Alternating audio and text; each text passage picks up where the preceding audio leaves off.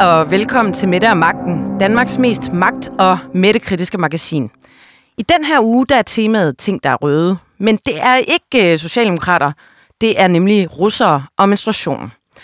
For i Danmark der anerkender man ikke, at cyklus- og blødningsforstyrrelser er en bivirkning ved coronavaccinen, men det gør man i Norge. Så hvorfor vil myndighederne ikke anerkende det her til lands? Eller i det mindste bare undersøge, om der er en sammenhæng? Og så har statsministeren fået et stort fokus på udenrigspolitik her efter corona og restriktioner er forsvundet. Men hvad delen handler det om? Det er de to blodrøvede emner, vi tager op i ugens udsendelse. Du lytter til Mette og Magten. Jeg hedder Anne Kirstine Kramon.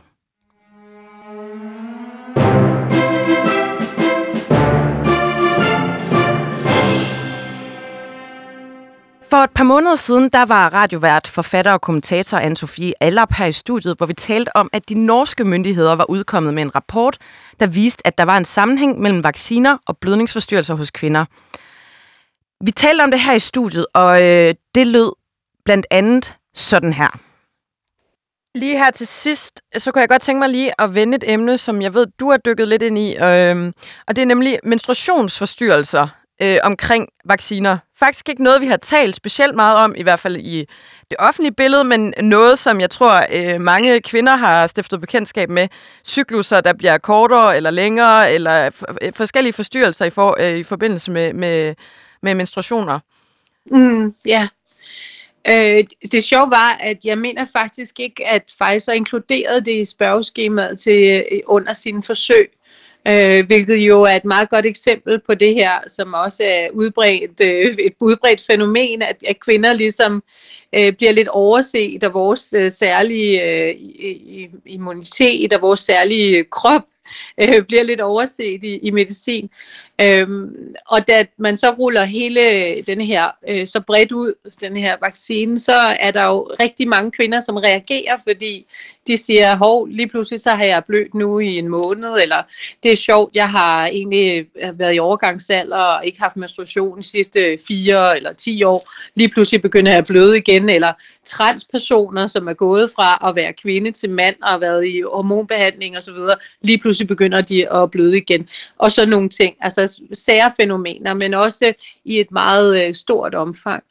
Øhm, det skulle man tro er noget, som øh, ville øh, få en sundhedsstyrelse eller øh, lægemiddelstyrelse til øh, med det samme og undersøge befolkningen. Sende et spørgeskema ud i e-boks for eksempel, og sætte nogle ting i gang for at finde ud af, øh, hvad er det her for et omfang egentlig.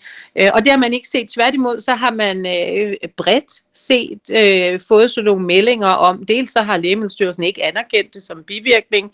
De mener ikke, at der er en sammenhæng. Øh, der var, øh, mener jeg, formanden for Dansk øh, Gynækologisk og Obstetrisk eller stødes, øh, Samfund, som ud at sige, at hun mente egentlig nok, at det bare var psykologisk, altså at øh, vi kvinder kunne rende rundt og være lidt stressede over at skulle vaccineres. Og, øhm, det er og, det jo typisk. Det er det jo typisk, ja, altså. Ja, og det, der, er altså, noget vi er, der er jo, med os kvinder. Der er jo en tendens til at tale grundigt ned til kvinder, også i sundhedsvæsenet. Ikke? Øhm, og, og man kan sige, at de fleste kvinder er jo de største eksperter, når det kommer til deres egen krop og deres egen cyklus. Og derfor ved de også godt, om der er et eller andet, som er helt usædvanligt i forhold til, hvad der ellers kan være af usædvanligheder. Altså man, man har levet med den øh, længe, øh, man har levet gennem kriser, gennem kærestesorger, skilsmisser, dødsfald osv., øh, og man kender godt sin krop, øh, og man kan også godt selv identificere, øh, om der er noget galt. Øh, og, og der, der synes jeg, der vil jeg sige, Norge reagerede jo ved at sætte en større undersøgelse i gang. Der er også masser af undersøgelser i udlandet. Øh, Norge har så konkluderet, at man kan observere, at der sker øh, forandringer af menstruationen efter vaccine. Øhm, øh, og jeg tror ikke, at man endnu forstår, hvorfor. Det, det står der i hvert fald i studiet. Altså, hvad det er præcis, men det vil ikke være den første vaccine, der kunne give nogle udsving. Øh, og det er jo også sådan, at eftersom den øh, agerer lidt som virus ind i kroppen, øh, den her vaccine, så øh, kan man jo også af virussygdomme få udsving. Så øh, altså, det vil ikke være helt usædvanligt, sådan, så det, det er jo min forståelse af det i hvert fald, som jeg er jo lægeperson. Jeg er jo juristuddannelse, jeg er ikke læge, men, men, øh, men det naturlige, vil jeg sige, fra øh, Lægemiddelstyrelsen og fra sundhedsmyndighederne, vil være at undersøge befolkningen. I virkeligheden, så synes jeg, det er beskæmmende og ikke særlig tryghedsfremmende, at øh, der er så lidt opsøgende øh, undersøgelser af en befolkning, som har fået et nyt øh, lægemiddel, øh, et nyt medicament øh, administreret så bredt. Øh, det er det, det er mindste, man kan forlange. Ja, for det er vel meget atypisk i virkeligheden, som du også selv er inde på, at inden for øh, medicinalverdenen, der er det tit produkter eller øh, øh, præparater, der er udviklet til mænd, ofte ja. er mænd, og at de har kvindelige bivirkninger. Og at øh, altså, jeg tænker, at vi skal sige uh, tak til Norge, for lige ja. at stemple ind i den her, for bare vidstheden om, at man ikke er øh, blevet meget, meget syg af vaccinen, tænker jeg for mange kvinder er, er nok. Ja. Øhm, Anne-Sophie Allerup, kommentator og øh, radiovært, tusind tak, fordi du vil være med og gøre os klogere, især på det her med menstruation. Ja, der er altså ingen opmærksomhed fra myndighederne på denne her potentielle bivirkning for kvinder. Det her indslag det afført en helt sindssyg aktivitet i min Instagram-indbakke. Jeg øh, hørte fra en masse kvinder, der havde oplevet, at deres menstruation og cyklus opførte sig markant anderledes, efter de var blevet vaccineret. Det, jeg blev mest overrasket over, det var, at mange fortalte, at de ikke blev taget særlig seriøst, når de gik op til deres læge. Der var forskellige meldinger om, at lægerne blandt andet affejede det med, at øh, det kunne skyldes stress, eller at de havde taget på i vægt. Det her, det kan jeg lige så godt sige, det provokerer mig lidt. De fleste kvinder, de har et nogenlunde overblik over deres cyklus. Mange af os, vi tracker den i en app, både så man ved, hvornår man skal undgå hvide hørbukser, eller hvornår man skal sætte noget øh, Barry White på og, og tænde nogle duftlys, hvis man er i gang med en eller anden babyprojekt. Jeg tror, mange kvinder vil være enige med mig i, at øh, når der begynder at være råd i en cyklus, så bliver man lidt ængstelig og, og bekymret. Og så er der en eller anden øh, myte om, at man ligesom kan styre sin menstruation ved, ved tankens kraft. Det har Lars Bøje jo ligesom været et, et bevis på. Men at komme op til sin læge og opleve noget underligt, der sker i ens krop, og så få at vide, at det er fordi, man er stresset, det synes jeg faktisk ikke er værdigt. Og så er der altså et element i det her om, at det er lidt bizart, at man ikke engang i Danmark ønsker at undersøge, om der er en korrelation mellem vacciner og cyklusforstyrrelser. I det mindste har man synes, at, øh, at det skyldte man kvinderne i Norge. I den her uge, der spurgte jeg så igen på Instagram og på min Twitter-profil, om der var nogen, der havde lyst til at komme med nogle eksempler på ændrede cykluser og vacciner. Og det var der rigtig mange, der havde. Jeg stoppede med at tælle, da jeg øh, havde fået øh, 150 beskeder på Instagram, og jeg har nok også fået i omegnen af en 40-50 mails. Jeg har fået beskeder fra kvinder, der har oplevet meget voldsomme blødninger, der var en, der skrev, at hvis hun ikke står op om natten og skifter bind en gang i timen, så bliver det til et decideret blodbad med en pøl af blod på gulvet, når hun rejser sig ud af sengen. En anden fortæller, at hun pludselig har menstruationer, der var 12-13 dage mod 4-5 dage tidligere. En oplever at få syster, og da hun spørger en hospitalslæge, om der kunne være en sammenhæng med vaccinen, fik hun at vide, at det nok var noget, hun havde hørt i etniske kredse. En 39-årig kvinde oplever, at hendes cyklus er blevet totalt uregelmæssig, og får at vide af sin læge, at hun nok er gået i overgangsalderen. Altså en 39-årig. Og så er der en mor, der, mor til en 12-årig, der fortæller, at hendes datter pludselig begyndte at bløde efter vaccinen. De troede, hun havde fået menstruation, men hun har så ikke blødt siden. Der er en 9-årig pige, der er begyndt at bløde. Der er en 73-årig kvinde, der også pludselig er begyndt at menstruere for første gang i 25 år. Og jeg kunne blive ved og ved og ved og det kunne jeg vidderligt. Jeg kunne læse 200 beskeder op fra kvinder, der har oplevet det ene eller det andet. Jeg vil gerne spille et par lydklip for jer med et øh, par kvinder, der ikke står frem med navn, men står frem og fortæller alligevel, hvordan deres cyklus er blevet anderledes. Det er min øh, kollega Julie Krav, der har talt med dem.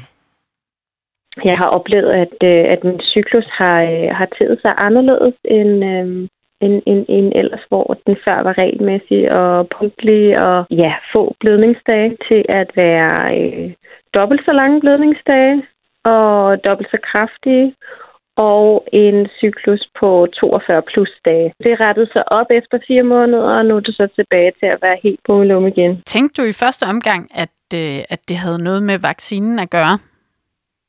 Nej, det gjorde jeg ikke. Øh, men så talte jeg med mine veninder, som, som oplevede det samme, og så, øh, og så kunne vi koble det sammen til, at det, øh, det startede alt sammen omkring vaccinetidspunktet. Føler du dig øh, bekymret over øh, udsigten til at skulle have tredje stik?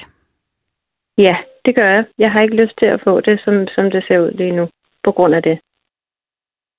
Længden af min cyklus har ændret sig og er uregelmæssig. Min menstruation varer cirka dobbelt så lang tid. Jeg bløder nu en 7-8 dage, og så har jeg helt vildt ondt i maven øh, på en måde, jeg ikke har haft, siden jeg var teenager. Så nu har jeg en for fire dage, hvor jeg næsten ikke kan sådan, komme igennem mit, en arbejdsdag uden at øh, tage piller øh, hver 6. time. Og hvor lang tid har det varet, de her øh, gener? Jamen, det har været, siden jeg fik mit, øh, mit andet stik med Pfizer. Jeg tracker min menstruation med en app og har gjort det i overvis. Og så var jeg, sådan, gik jeg tilbage og, og trackede data, og så kunne jeg se, at det var faktisk lige præcis der, den havde ændret sig, og den er så ikke øh, stoppet med at have ændret sig endnu her øh, fem måneder efter. Har du talt med din egen læge omkring de her gener, du oplever? Ja, det har jeg faktisk, fordi jeg egentlig gerne vil altså, bekræfte i, at der ikke var noget problem i at få det tredje vak- vaccinestik. Og han, øh, han mente, at det kunne være en aldersting, at min menstruation havde ændret sig. Øh, at der kan jeg jo, igen når man taler med andre kvinder om det, høre, at så er der nogen, hvor lægen siger, at det handler om stress eller om vægtændringer. Øh, og det kan jo også sagtens være det, men det er jo bare påfaldende, at alle kvinder, der oplever ændringer i, i menstruation øh, af alle mulige årsager, også er blevet vaccineret, da, da de her ændringer skete. Her hørte vi altså to forskellige kvinder, der fortalte om, hvad de har oplevet. I Danmark der gør vi det på den måde, at kvinder eller deres læger selv kan indberette til Lægemiddelstyrelsen, at man har oplevet de her bivirkninger. Det er der frem til oktober, hvor Lægemiddelstyrelsen senest har offentliggjort tallene knap 4.000 kvinder, der har gjort. Men det har ikke ført til, at man i Danmark har vil anerkende, øh, at der er en bivirkning, eller at man har ønsket at undersøge det nærmere.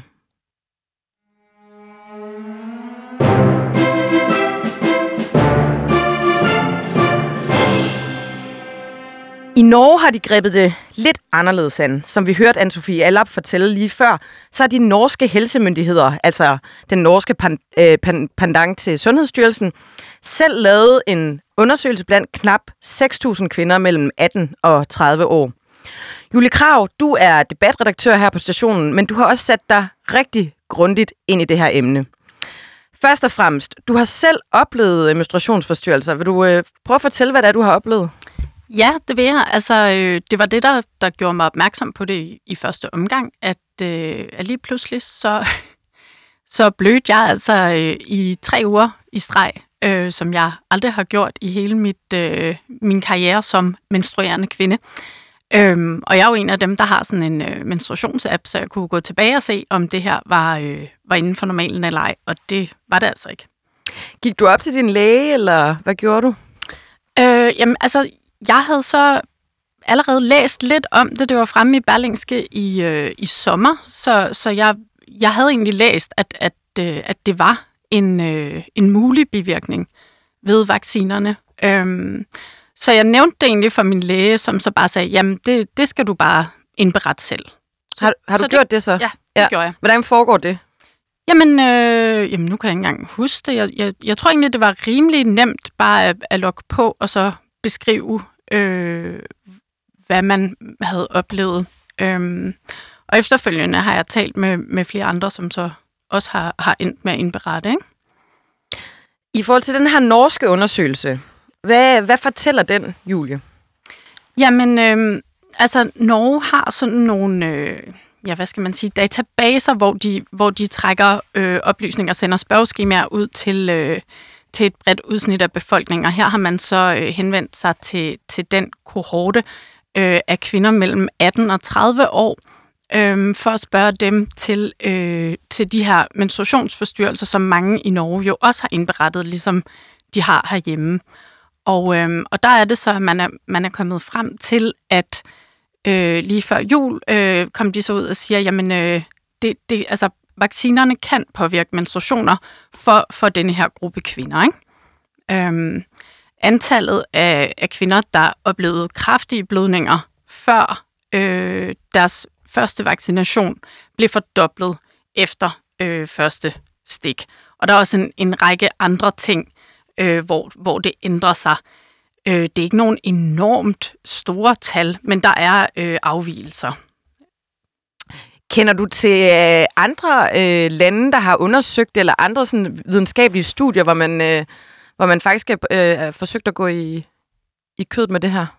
Altså, der er en, øh, en, en undersøgelse øh, fra den amerikanske udgave af, ja, den amerikanske sundhedsstyrelse, kan man vel sige.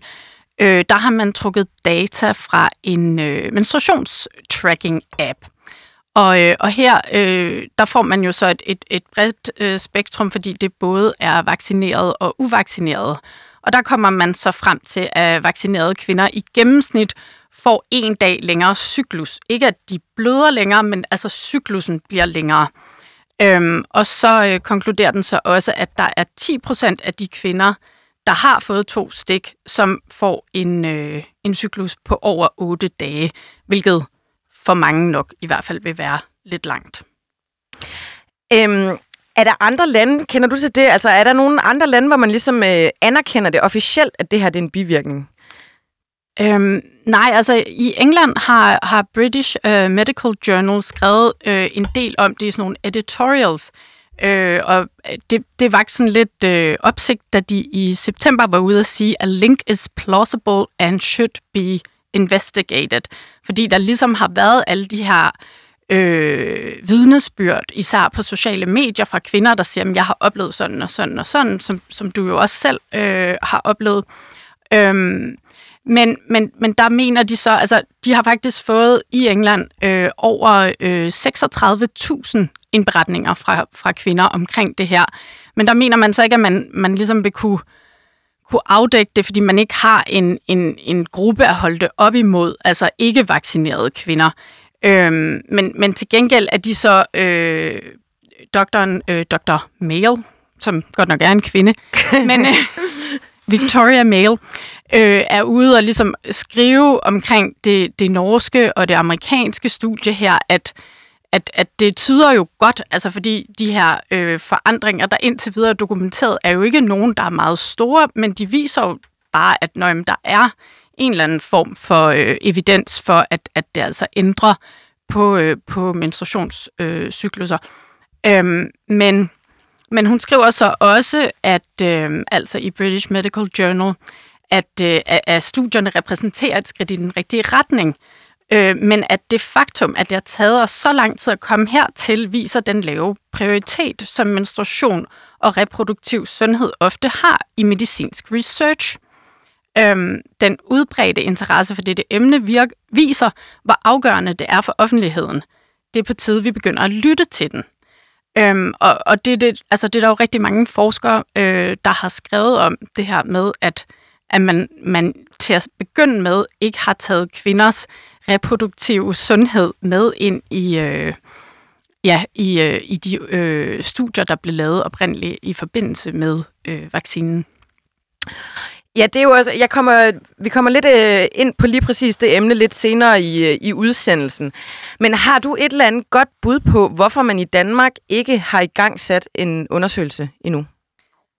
Øhm, altså, det jeg fik at vide øh, fra, øh, fra Lægemiddelstyrelsen, øh, da vi lavede vores program øh, ja, i december, var, at jamen, det, det var jo nok ikke så nødvendigt, fordi nu, nu fik man jo så øh, data fra Norge, og det var jo et, et, et ret direkte sammenligneligt land. Men øh, nu hvor så studiet foreligger, så mener de ikke, at det studie bidrager med tilstrækkelig evidens for, at der rent faktisk er en sammenhæng. Så øh, ja, det, det ved jeg faktisk ikke. Så det flager lidt i vinden. Julie Krav, debatredaktør her på øh, stationen. Tak fordi du var med. Du er med lige om lidt igen.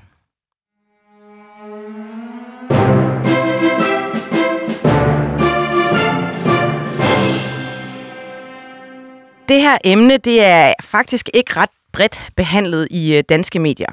Men tilbage i juli måned, der sagde Anne Mette Lykkebo, der er formand for DGOS, Dansk Selskab for Obstetrik og Gynækologi, til politikken. Kvinder har en påvirkelig cyklus, og alle kvinder oplever fra tid til anden ændringer i blødningerne.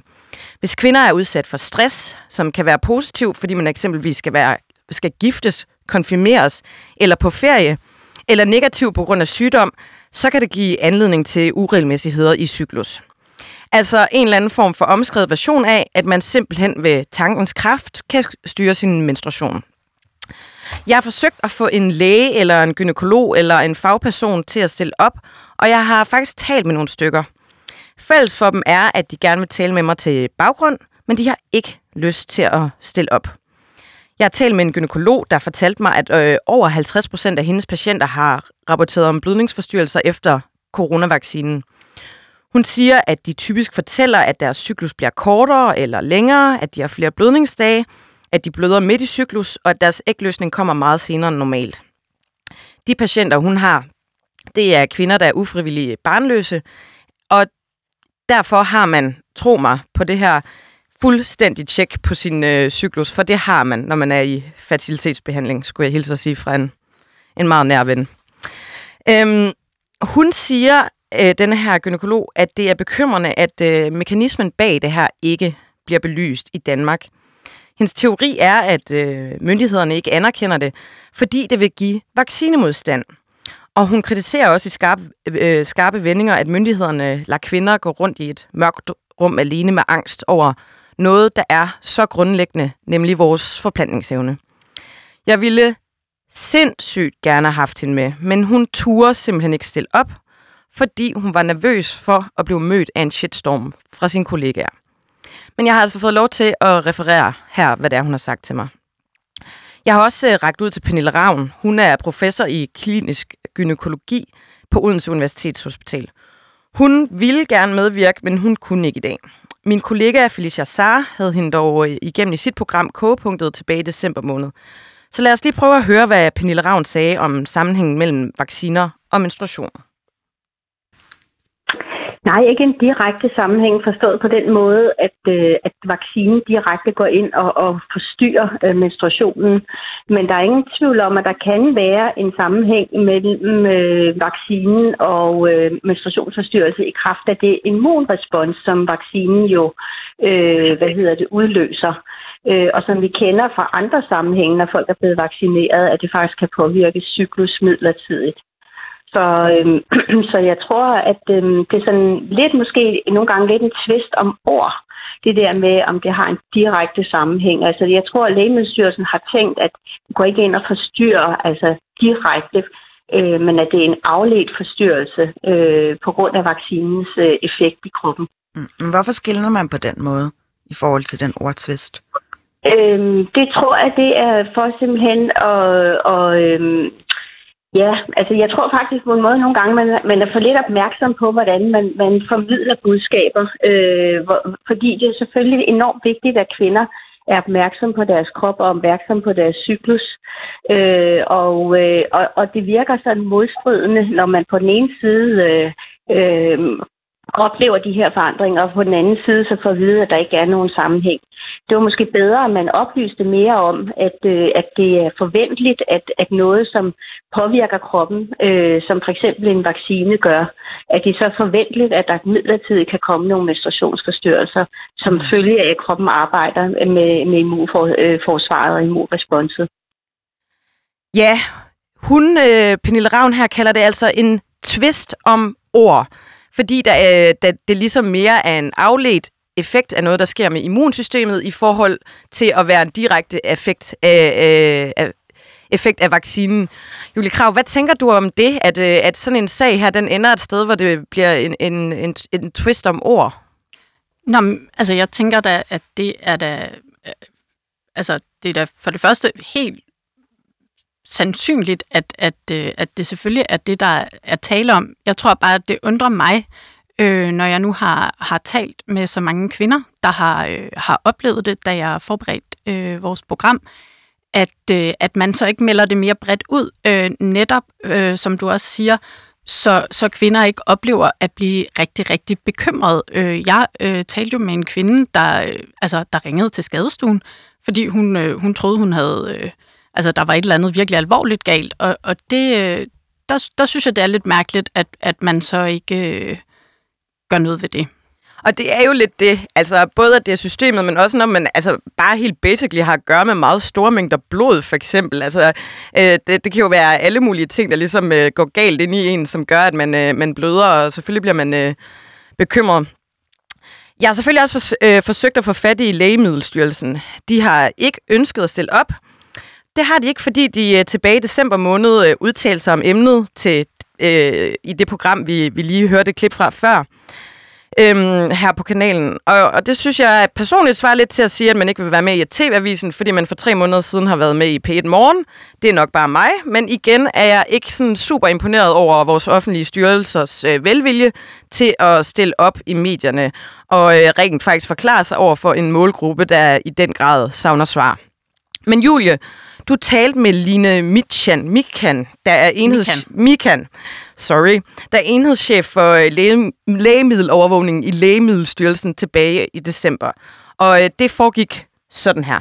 Når vi ser på det generelle billede, så er der ikke noget, der peger på, at de her indberetninger, de er en bivirkning ved coronavaccinerne. Vi ser på de indberetninger, vi har fået, og så ser vi på, hvad man generelt ved om menstruationsforstyrrelser. Og det, man kan se her, er, at forstyrrelser i menstruationscyklus er ofte forekommende, og det er noget, man ofte ser hos unge kvinder eller hos kvinder, der nærmer sig menopausen, altså overgangsalderen. Og at menstruationen kan påvirkes af rigtig mange fysiske og psykiske forhold. Knap 4.000 danske kvinder melder det her ind som en, øh, en bivirkning. Det mener I altså kun det er i 65 af de tilfælde. I siger derimod, at det kan handle om øh, for eksempel stress i livet eller vægtøgning. Er det rigtigt forstået, at øh, I betragter det som den mest plausible forklaring på, på de her kvinders øh, oplevelser? Det vi har gjort er, at vi har behandlet de her knap 4.000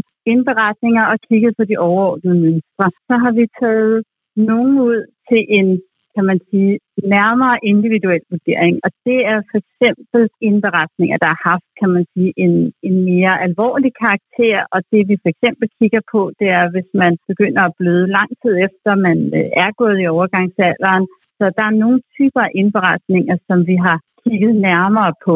Og, øh, og det betyder ikke, at det er nogen, hvor vi har sagt, der er en sammenhæng med vaccinen, men det er nogen, hvor der er et mønster, som sagt, der skiller sig ud fra det, vi normalt ville forvente med helt almindelige menstruationsstyrelser. Hvor mange af de knap 4.000 indberetninger, der har været, er der blevet fuldt konkret op på? I en eller anden grad bliver der fuldt op på alle sammen. De bliver behandlet, og de bliver kodet, og de bliver sendt videre til vores internationalt samarbejde til en fælles europæisk database. I de fleste af de her indberetninger, jamen der har været nok information i dem, til at vi har kunne sende dem videre, som de er. Så er der nogle af dem, vi har fulgt op på, og jeg kan ikke sige præcis for mange, men vi har haft de her lige godt 100 sager, som vi har lavet en særlig individuel vurdering af.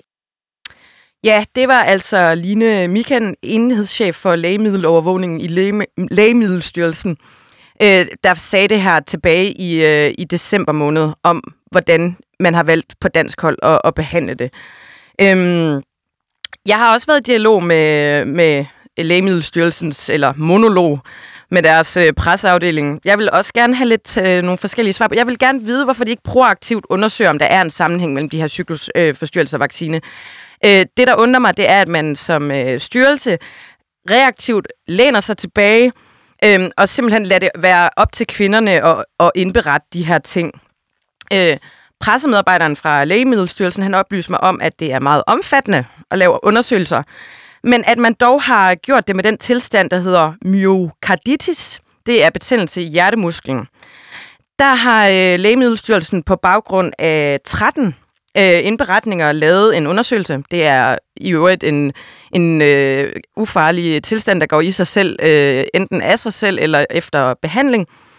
Øhm, men de har fået 13 indberetninger og, og har valgt at undersøge det her. Øhm, der er kommet omkring 4.000, eller lige knap 4.000 indberetninger om cyklusforstyrrelser. Og så tænker jeg ved mig selv, om jeg prøver lige at undersøge, hvem er det, der bliver an, øh, ramt af det her myokarditis. Nå ja, men det er mænd under 30. Så altså, jeg siger ikke, men jeg siger bare.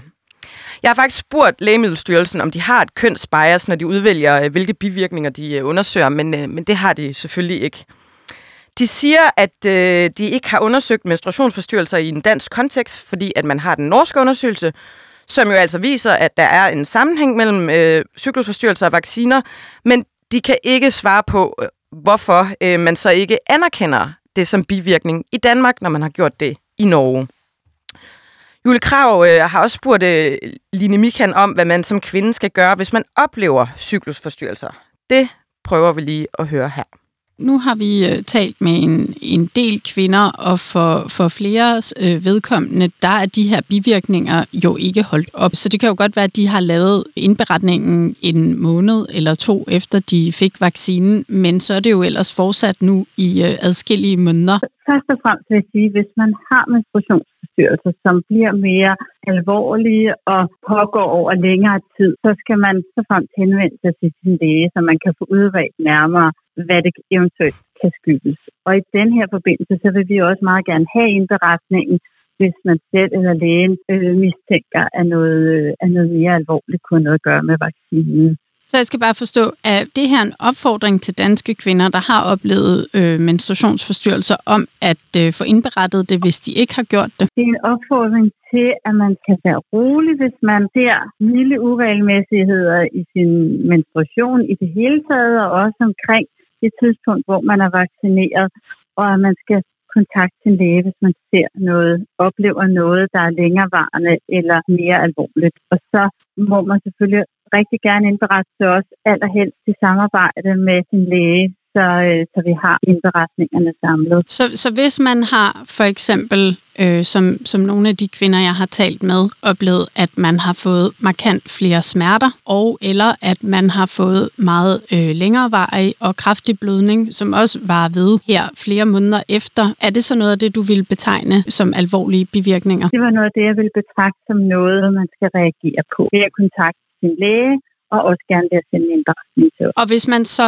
der får at vide, at det er en helt almindelig bivirkning ved vaccinationen, kunne I så finde på at arbejde for, at, at det skulle netop stå som en almindelig bivirkning? Ja, hvis, hvis vi begynder at se noget i vores indberetninger, der peger anderledes end det, det gør nu, så gør vi det, at vi kan rejse det, vi kalder et signal til vores europæiske kollegaer, og så gå ind og få undersøgt sagen netop for at vurdere, om det er noget, der eventuelt ville skulle ind informationen til, til læger og, og borgere om vaccinen. Nogle gange kan det være på baggrund af mange indberetninger, nogle gange kan det være på baggrund af ganske få. Så kan vi reagere, og så vil vi reagere og rejse et signal for at få det undersøgt nærmere. Men det er så her, det undrer mig, at I ikke går mere ud af at få flere øh, tilbagemeldinger, fordi vi står potentielt med et stort mørketal, fordi I har været ude adskillige gange og fortalt, at det ikke hænger sammen med vaccinerne.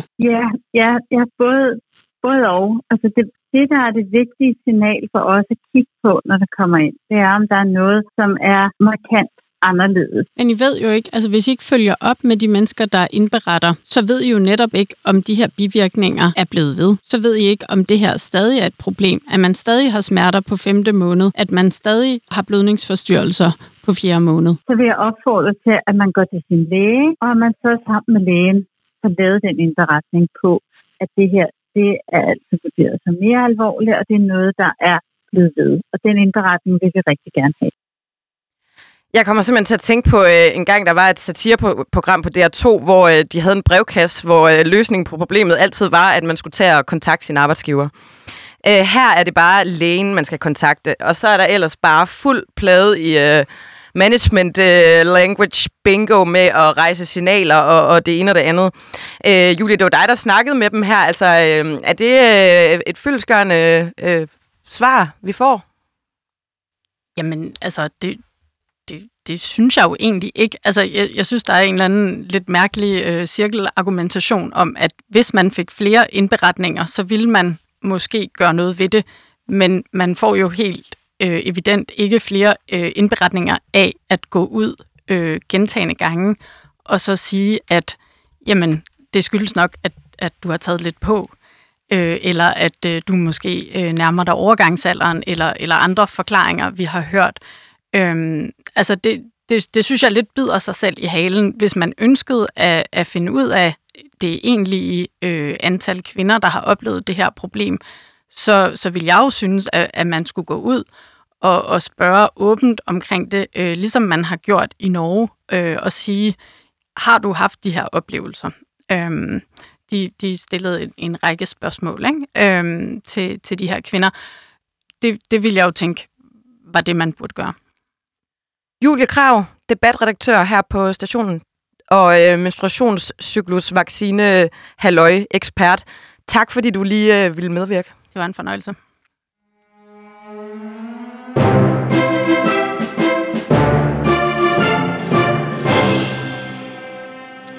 Hvis man ikke har læst den endnu, så kan jeg på det allerkraftigste anbefale den bog, der hedder Usynlige kvinder, med undertitlen Skævvredende data i en verden designet til mænd. Den er skrevet af en britisk journalist, der hedder Caroline Criado Perez, og jeg har øh, tænkt på den en del i øh, researchfasen af det her program. Hun er som sagt øh, journalist og forfatter, og så har hun lavet en meget gennem, øh, detaljeret gennemgang af, hvordan rigtig meget i verden er indrettet til mænd, ofte af mænd. Hun gennemgår stort set alt, hvad vi omgiver os med, og præsenterer nogle ret interessante fakta. Hun fortæller, hvordan man traditionelt, for eksempel på lægeuddannelsen, tager udgangspunkt i mandekroppen, i lærebøger osv., og at det først er inden for de seneste par år, man er begyndt at anerkende, at der er væsentlige forskelle på mande- og kvindekroppe. Der er forskelle i vores væv og i vores celler, og øh, så er der også et historisk problem med, at kvinder ikke lige så høj, i lige så høj grad inddrages i medicinske forsøg, som vi også talte kort om før, Øhm, hvor det er mænd og mandekroppen, der også ofte regnes som standard. Vores øh, immunsystemer de er også forskellige, og mænd og kvinder reagerer anderledes på vacciner.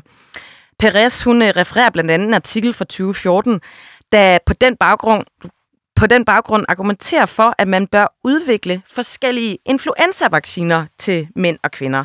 Altså fordi vores immunsystem opføres forskelligt. Og øh, så er jeg nødt til at sige, og den står fuldstændig for egen regning, den her, men hvis øh, coronavacciner gav mænd øh, rejsningsproblemer eller farvede deres tissemænd grønne, så tror jeg saftsus man nok, man skulle få fundet ressourcer til at finde ud af, hvad der lige var op og ned der. Og det havde man nok gjort i en fart. Det værste er næsten, at Lægemiddelstyrelsen og regeringen ikke tager det her alvorligt. At det her med kvinders øh, re- reproduktionssystem det er jo faktisk et samfundsanlæggende. Vi er alle sammen afhængige af, at kvinders systemer er sunde og velfungerende, fordi det faktisk er der, hvor vores børn kommer fra. Og så er der noget andet, der har slået mig. Ud af de enormt mange beskeder, jeg har modtaget fra rigtig mange kvinder, så har rigtig mange af dem startet med en eller anden version af, jeg er ikke en sølvpapirshat, eller jeg er ikke anti-waxer øh, som en slags disclaimer om, at man ikke er tosset. Det har øh, hele vejen været, igennem været regeringens coronastrategi, øh, hvor der, at der har været sådan et ret ensidigt fokus, der hed, vacciner jer. Vaccinen er det eneste saliggørende. Og vaccinerne er noget, vi skulle have gøre sammen kollektivt. Vi gør det som samfund for at øh, stå sammen og udvise samfundssind. Men det slår mig bare, at man kommer til at stå meget alene med bivirkningerne. Jeg oplever igen og igen folk, der oplever meget, meget mærkelige ting med deres kroppe. Det her med menstruation er jo bare et eksempel. Og som jo ikke får øh, det anerkendt nogle steder i sundhedssystemet. Jeg har øh, spurgt, spurgt øh, sundhedsordfører for Socialdemokratiet, Rasmus Horn Langhoff, om, øh, om man er ops på at sikre, at der ikke er et kønsbias, der til gode ser mænd, når, øh, når man afdækker vaccinebivirkninger. Og så har jeg spurgt ham, om han synes, det er helt i orden, at, at så mange kvinder oplever rod i deres cyklus øh, efter vaccine, og de ikke har et sted at gå hen, i og med, at den her tilstand ikke er godkendt officielt som bivirkning. Og så har jeg også spurgt ham, om han mener, at øh, regeringens store fokus på vaccine som det eneste saliggørende og udskamning som redskab, måske kan have en eller anden form for slagside, når folk faktisk ikke tør at tale højt om de bivirkninger, de, øh, de oplever. Øhm, i frygt for at blive udskammet og kaldt en sølvpapirshat og en anti-waxer. Og i øvrigt, øh, når man oplever menstruation, øh, menstruationsforstyrrelser efter en vaccine, så er man jo i hvert fald ikke anti-waxer, for så har man jo taget en vaccine. Men det er han ikke vendt tilbage på. Jeg synes, øh, det er rigtig relevant, at vi også fra politisk hold øh, altså fra dem, der har været med til at skabe den her udskamningsstemning, øh, også får en eller anden form for tilkendegivelse eller medvirkning til, at folk ikke skal gå og putte med deres øh, vaccinebivirkninger alene. Øhm, jeg synes, det er helt forkert, at man skammer sig over at blive opfattet som øh, det allermest forfærdelige i verden, nemlig en sølvpapirshat eller en anti hvis man rent faktisk har reelle oplevelser øhm, i forhold til sin krop og, og sin sundhed. Det er slet og ret ikke i orden. Jeg ved ikke, om øh, vi nogensinde i Danmark kommer til at anerkende, at der er en sammenhæng mellem øh, vacciner og cyklusforstyrrelser. Jeg skal nok gøre mit til at følge op på det her. Og så vil jeg gerne sige tak til alle jer, der har bidraget til, at jeg kunne lave den her historie.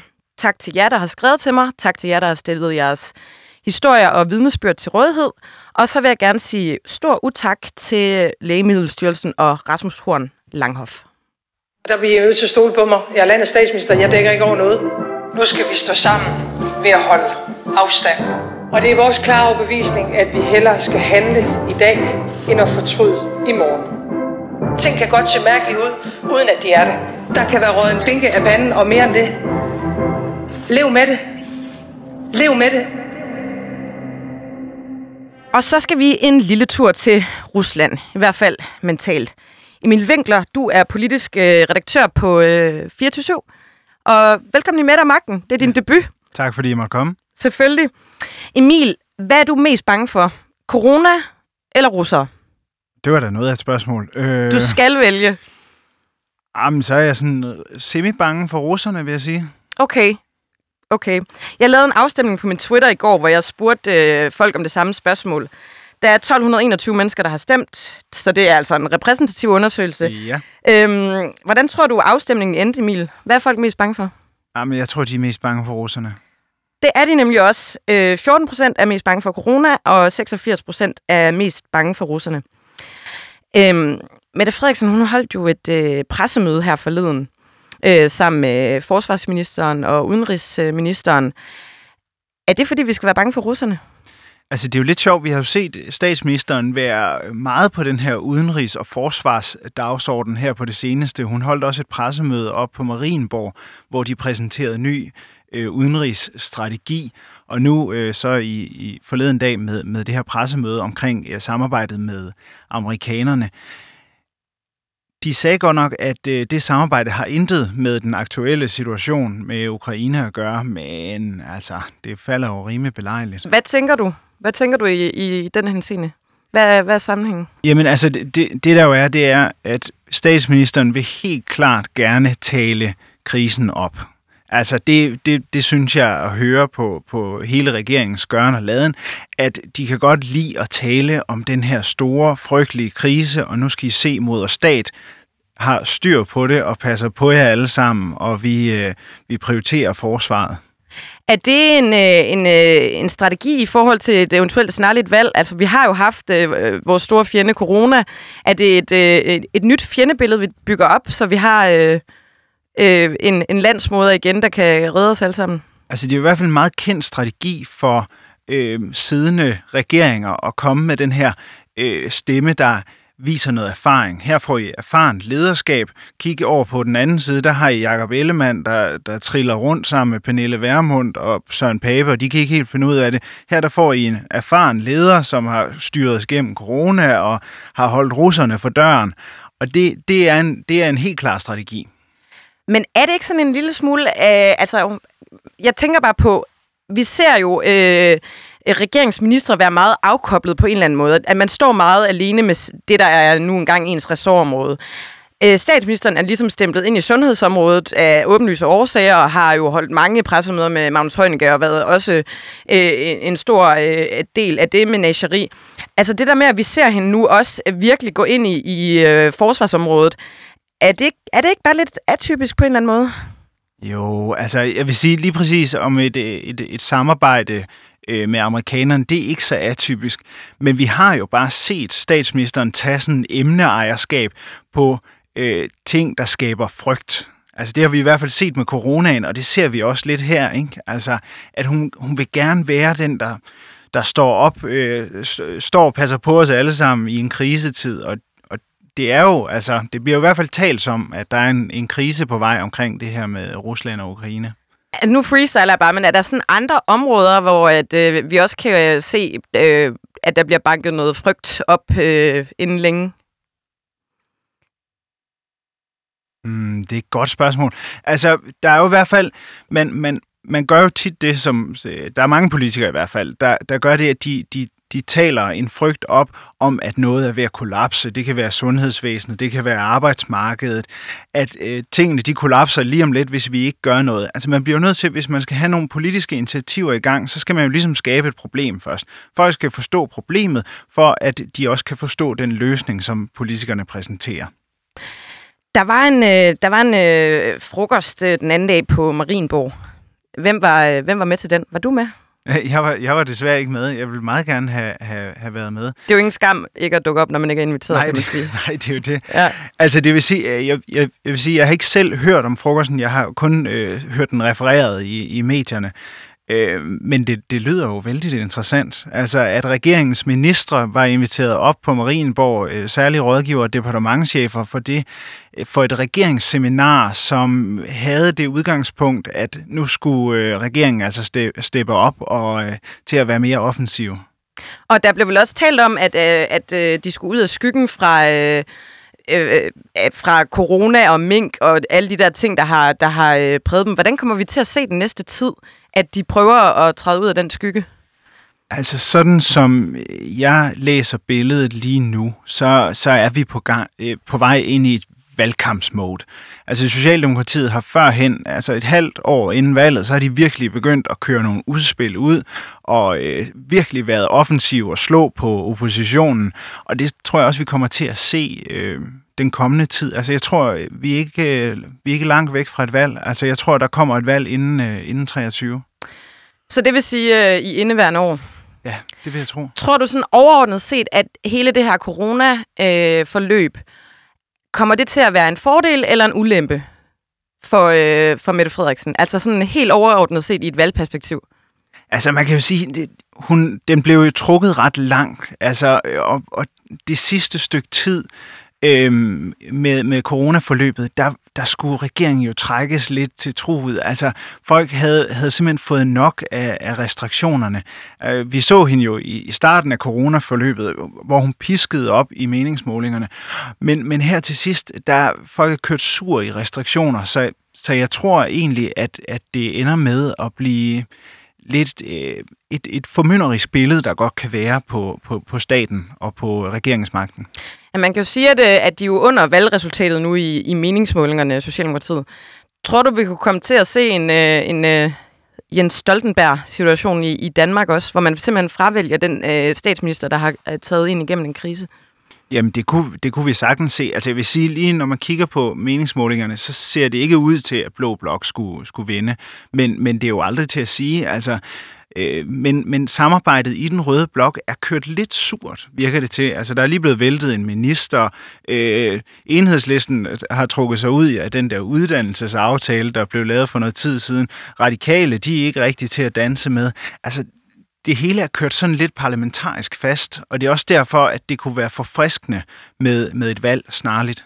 Hvad skal der til? Altså, kan man løse den der øh, knude, der er i rød øh, blok, øh, uden at, at udskrive et valg? Altså, hvad skal der ligesom til, for at man får oprettet, øh, genoprettet de gode forhold øh, partierne imellem? Ja, men altså, det, det, jeg tror simpelthen, at øh, posen skal rystes. Altså, det, det er det, man trænger til.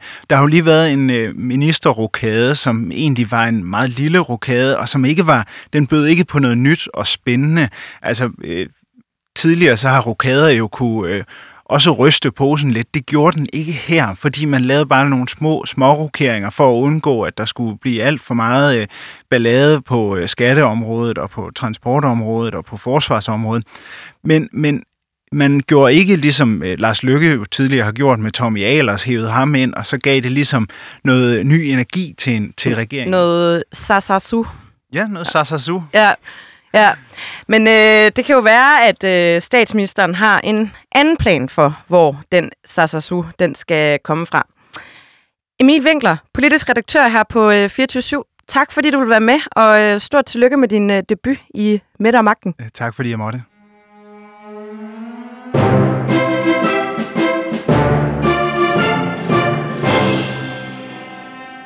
Og så skal vi jo, som sædvanligt, til ugens Astrid Krav. Mette og magtens fine lille pris, som vi hver uge uddeler til en socialdemokrat, der har udvist særlig uselvstændig og tilsvarende partiloyal adfærd. Beskæftigelsesminister Peter Hummelgaard lavede i denne uge et Facebook-opslag om ægtefællemodregning.